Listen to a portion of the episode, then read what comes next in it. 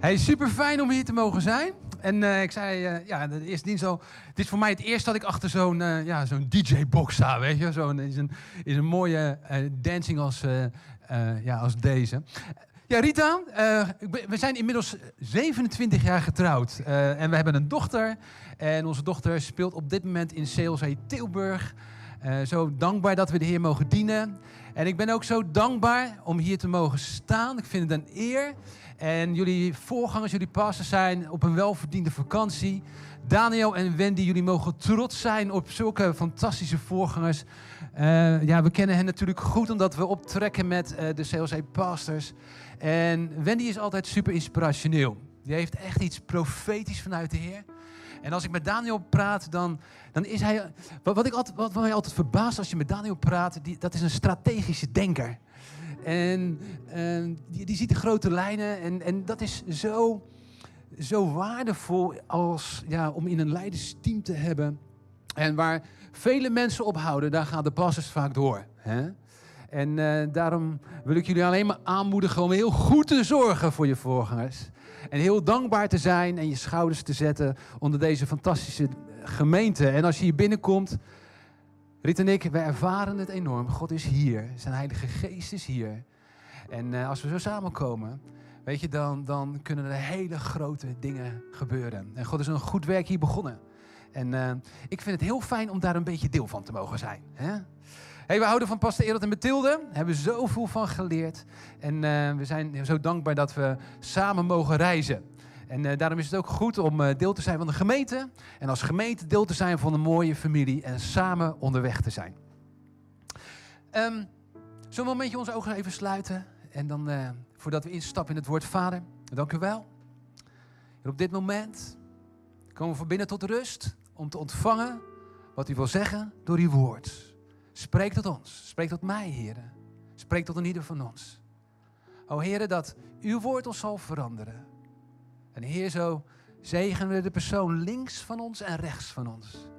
En dat we hier veranderd zullen weggaan. In Jezus' naam. Amen. Hey, ik wil met jullie eh, eh, beginnen met een tekst. En eh, dan, hebben we het, dan gaan we naar Handelingen 12. Eigenlijk zou je kunnen zeggen, Handelingen kan je opdelen in twee delen. En hier eindigt het eerste deel. Handelingen 12 vers 24 en er staat... Steeds meer mensen luisterden naar het goede nieuws over Jezus... en de groep christenen werd steeds groter. Het thema van vanochtend is de clash en de advocaat. De meeste boeken van John Grisham heb ik gelezen. En John Grisham schrijft, is zelf een advocaat geweest... en die schrijft dan over een klein advocatenkantoor... En die, die schrijft dan over die ene advocaat die je opneemt tegen, die, ehm, tegen een enorm eh, grote ja, ehm, ja, macht van grote, grote kantoren. Grote bedrijven en die niet terugdeinzen om bandieten, om criminelen in te schakelen, om zo toch aan hun, ja, aan hun recht te komen. Aan, om, om datgene te krijgen wat ze binnen willen harken. En dan heb je die ene advocaat, dat ene kleine kantoor. En die neemt het op voor die ene vrouw. Of voor, eh, voor die lokale bevolking. En die ene advocaat wordt natuurlijk enorm, enorm onder druk gezet. En er is een enorme clash. Maar hij is, hij is er te slim af.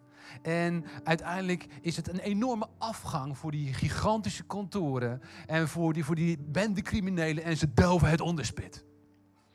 Vanochtend is het de clash en de advocaat. Want de handelingen gaat over de beweging van de Heilige Geest en de beweging van de kerk.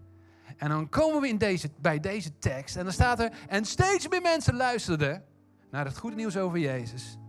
En de groep christenen werd steeds groter. Ja, dat is natuurlijk wel wat we willen.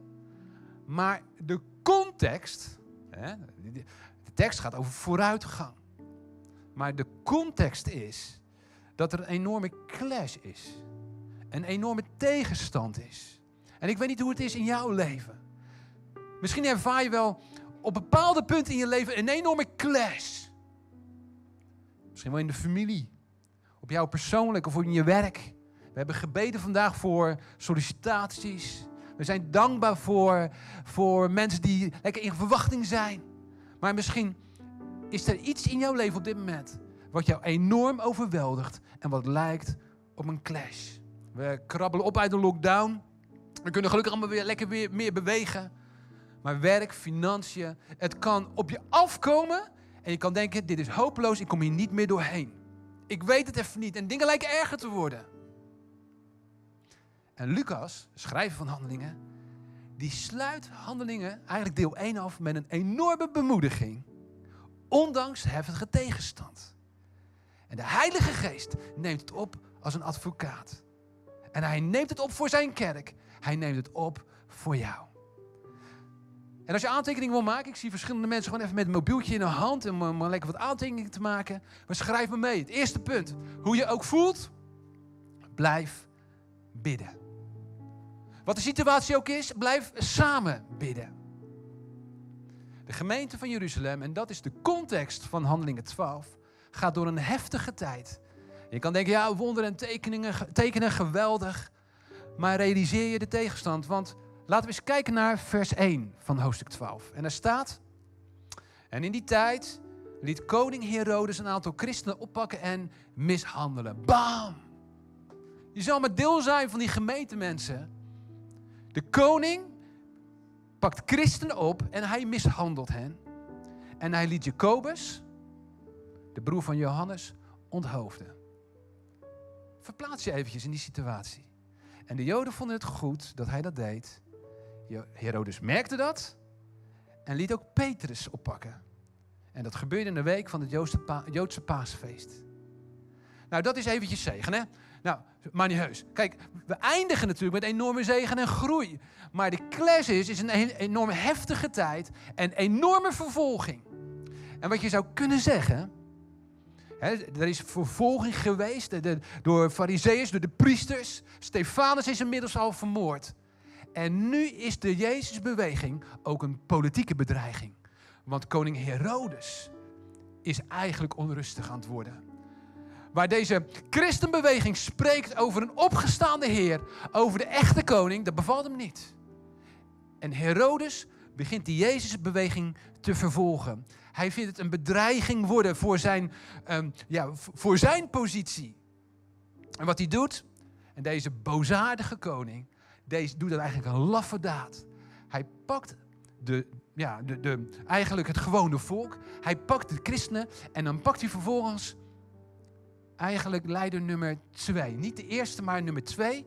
En hij polst of dat goed valt. En dan valt het goed. En dan pakt hij Petrus en dat is nummer één. En dan denkt hij, weet je wat, het is een paasfeest en zo dadelijk, uh, dan ruim ik Petrus ook uit de weg. Want wat staat er in vers 3 tot met 5? Herodes was van plan om Petrus na het feest aan het volk te laten zien en hem dan te doden. En tot die tijd sloot hij hem op in de gevangenis. Hij liet hem bewaken door vier groepen van vier soldaten. En terwijl Petrus in de gevangenis zat, en wat staat er dan? Waren de christenen steeds voor hem aan het bidden.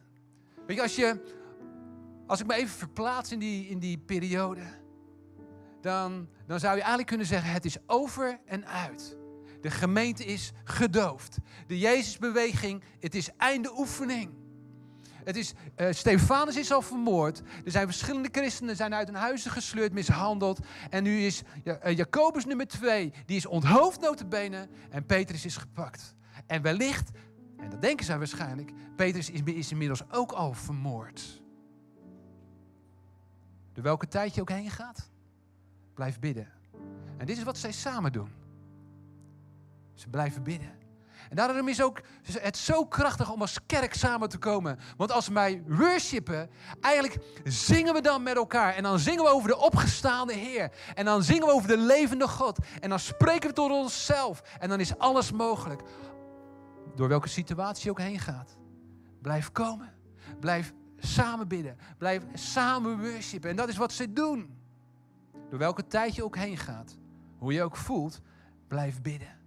Blijf bidden voor je kids. Ook al lijkt het misschien uitzichtloos. Blijf bidden voor je financiën. Ook is het soms moeilijk. Blijf bidden voor je gezondheid. Blijf bidden voor je ouders. Blijf bidden. Ik werd zo bemoedigd door door het woord van Pastor Erot een aantal weken geleden. Het ging ook over gebed. En hij zei, weet je, we hebben niet altijd geloof. Geloof is soms ook zo ongrijpbaar en groot. Maar wat je altijd kan doen, en dat was eigenlijk een stapje van drie. Breng je wensen bij de Heer. Want als je wensen bij de Heer brengt, dan groeit verwachting. En waar verwachting is, daar groeit geloof. En zij brengen hun wensen bij de Heer. Dat is misschien ook wel goed om een aanmoediging voor ons allemaal. Breng je wensen bij de Heer. Wat, wat is datgene wat je wil? Want waar je wensen bij de Heer brengt, groeit verwachting. Waar verwachting is, daar groeit geloof. Ze gaan bidden en ze zijn samen aan het bidden. En wij denken vaak aan die eerste christenen als een fantastische geloofsgroep. En zij hebben de wonderen gezien en ze gaan lekker altijd door. Nou, deze hadden eigenlijk weinig verwachting. Ze waren bang. Ze hebben zich opgesloten in een huis. En ze, ze denken eigenlijk, Petrus is inmiddels vermoord. Maar wat zij niet weten, is dat Petrus nog leeft, in de gevangenis zit. En dat God machtig aan het werk is. God is machtig aan het werk in mijn leven. Misschien is dat wel eens goed om dat tegen jezelf te zeggen. God is aan het, machtig aan het werk in mijn leven. Zeg dat iets tegen jezelf. God is machtig aan het werk in mijn leven. Dat mag ietsje harder. God is machtig aan het werk in mijn leven. Nog een keer. God is machtig aan het werk in mijn leven. En in deze kerk, CLC, is alles mogelijk. Die mag je ook nazeggen. Jij hebt zelfs draaitafels, alles is mogelijk. In deze kerk CLC is alles mogelijk. Amen, amen. Want wat staat er? Handelingen 12, vers 7. En hier zie je eigenlijk dat de hemel dichtbij komt. Dat er een gordijn open gaat en dat hemel en aarde samenkomen. Maar wat staat er? Opeens stond er een engel van de Heer bij Petrus. En de hele ruimte was vol licht. En de engel schudde Petrus wakker en zei tegen hem: Kom, sta snel op. En meteen vielen de kettingen van de handen van Petrus af. En toen zei de engel: Doe je riem om en trek je schoenen aan. En die, Petrus deed het. En daarna zei de engel: Doe je jas aan en kom mee. Weet je wat ik zo leuk vind hier? Hemel en aarde komen samen, kettingen vallen af. En dan zou je kunnen zeggen, en Petrus die wandelde zo mee. Nou, dan is de engel opeens heel praktisch. Hij moet zijn riem omdoen, zijn jas aan doen, zijn sandalen aandoen. Gewoon even praktische instructie. En dan snel meekomen. even hemel en aarde raken hier elkaar. Hè? Even ook hele praktische instructie. En dan staat er, Petrus liep achter de engel aan naar buiten. Hij dacht dat hij droomde. En hij wist niet dat alles echt gebeurde. En samen met de engel liep Petrus langs twee groepen bewakers. En toen kwamen ze bij de ijzeren poort van de gevangenis. En door die poort kwam je in de stad. En de poort ging vanzelf open. En Petrus en de engel gingen naar buiten. Liepen samen nog één straat verder. En toen was de engel opeens weg. De gemeente is aan het bidden. En de hemel reageert. De hemel reageert. En boeien vallen af. Hoe je ook voelt. En misschien is er angst van je leven. Blijf bidden. Want hemel en aarde komen samen.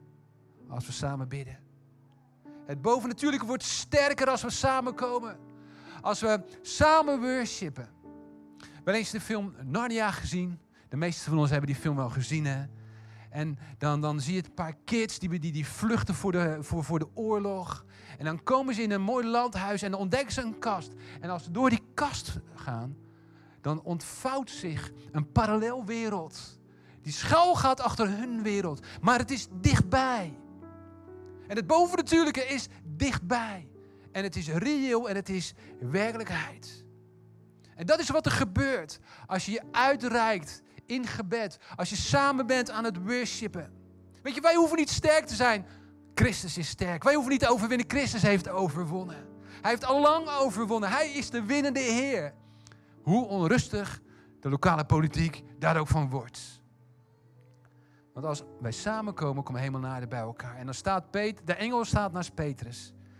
En Petrus kan gewoon door paar muren, door, door drie muren heen lopen, door deuren heen lopen. En gewoon langs die, uh, langs die uh, soldaten heen lopen. Hij. Hij passeert vier groepen soldaten. En die binnende groep christenen, die weten niet dat Petrus nog leeft. En dat hij vervolgens ook bij hen voor de deur staat. Want wat, wat, wat gaat er vervolgens gebeuren? Petrus die na, na een straat verder, dan staat hij alleen. Ja, en dan, dan, dan, dan gaat hij naar het huis waar ze waarschijnlijk dan aan het bidden zijn. En dan wordt hij niet eens binnengelaten, want ze geloven niet dat Petrus nog leeft. En dan zegt Rode, die, die, daar een hoofdrol speelt, ja, de, eh, Petrus staat voor de deur. Nee, dat kan niet. Dat kan niet. Ja, de, waarschijnlijk zijn engel. Met andere woorden, hij is overleden. Um, en hij, ze moet echt aandringen. En dan geloven zijn ogen niet dat Petrus nog leeft. Hoe je ook voelt, of welke angst er ook is van binnen. Blijf bidden. Daarom is het zo goed dat je hier bent. Weet je, Riet en ik, wij zijn hier en er gebeurt van alles in ons leven. En we worden zo enorm bemoedigd. Woorden die gesproken worden de, de, worship die binnenkomt. Het is zo enorm bemoedigd, bemoedigend. Dus wat er ook gebeurt, blijf bidden, blijf samen bidden. En dan mijn tweede punt. Wat de weerstand ook is, God heeft het laatste woord. Wat de weerstand ook is, God heeft het laatste woord. Als je kijkt naar je omstandigheden, dan kan je ontmoedigd raken. Dan kan je soms de moed verliezen. Misschien wel qua gezondheid. Of de reacties van mensen. Of de teleurstellingen, misschien wel teleurgesteld in God. Dat je verwachtingen anders waren. Gebeurtenissen die je niet kan verklaren.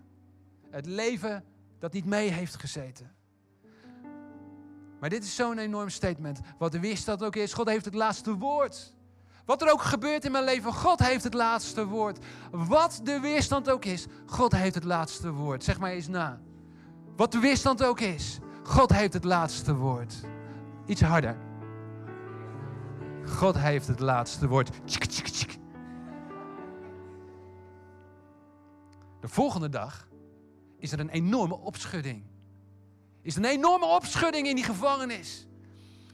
Want die, die, die, die boeien die liggen op de grond en die deuren zijn dicht. En de bewakers hebben niks gemerkt.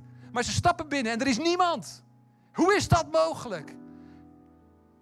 En de schrik slaat hen om het hart. Want als een ter dood veroordeelde gevlogen is, wie gaan er dan dood? De bewakers.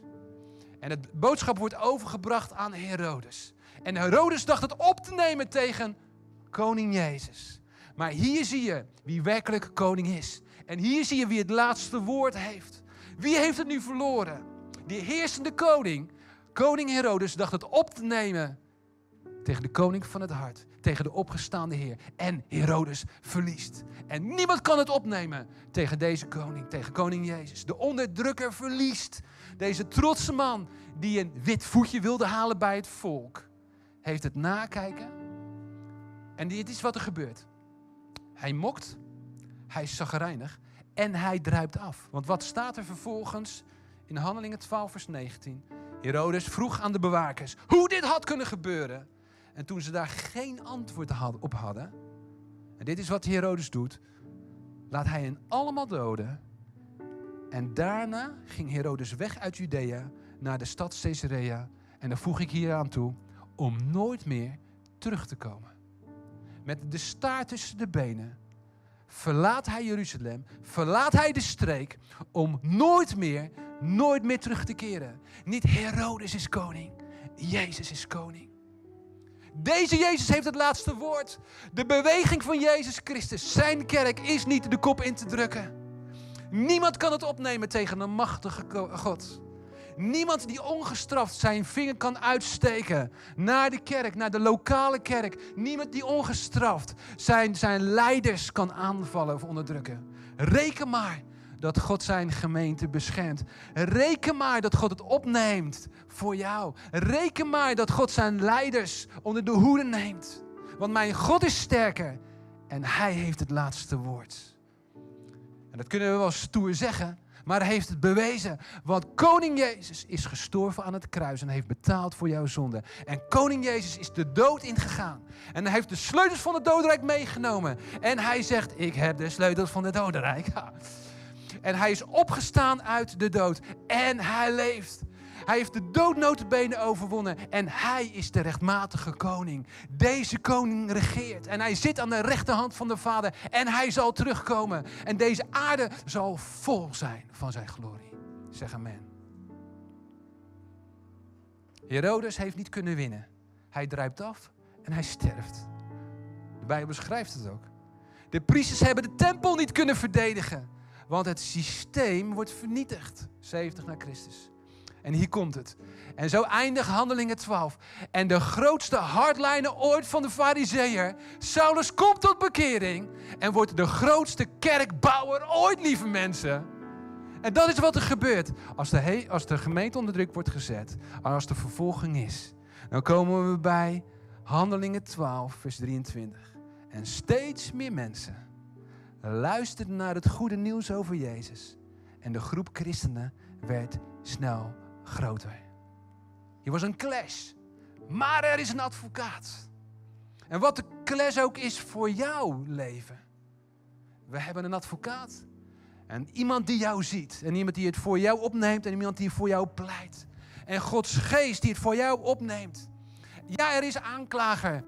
Maar mijn God is sterker. En hij heeft de dood overwonnen. Jezus heeft de dood overwonnen. En als je naar het natuurlijke kijkt, kan je ontmoedigd raken. En denk je, waar is mijn geloof?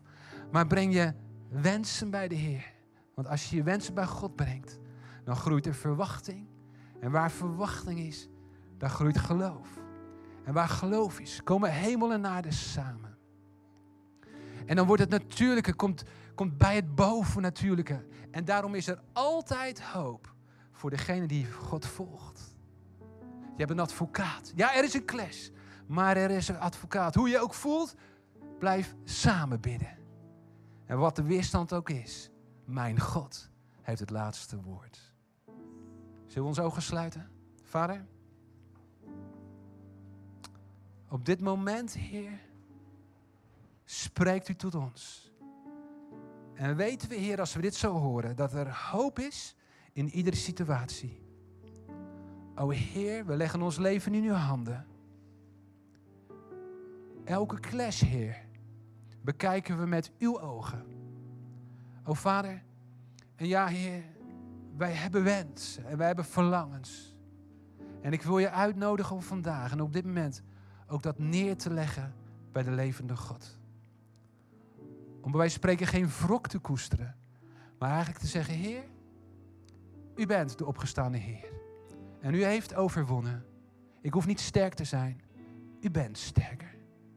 En u bent een bovennatuurlijke God. En daarom is er altijd hoop. En daarom geef ik mijn leven aan u. En zo zegenen we elkaar. En we zegenen deze gemeente. En we zegenen deze gemeente met zijn leiders, Heer. Dank u wel, Vader, dat u onderweg bent. En dat het alles mogelijk is. In mijn leven en in deze kerk. In Jezus' naam.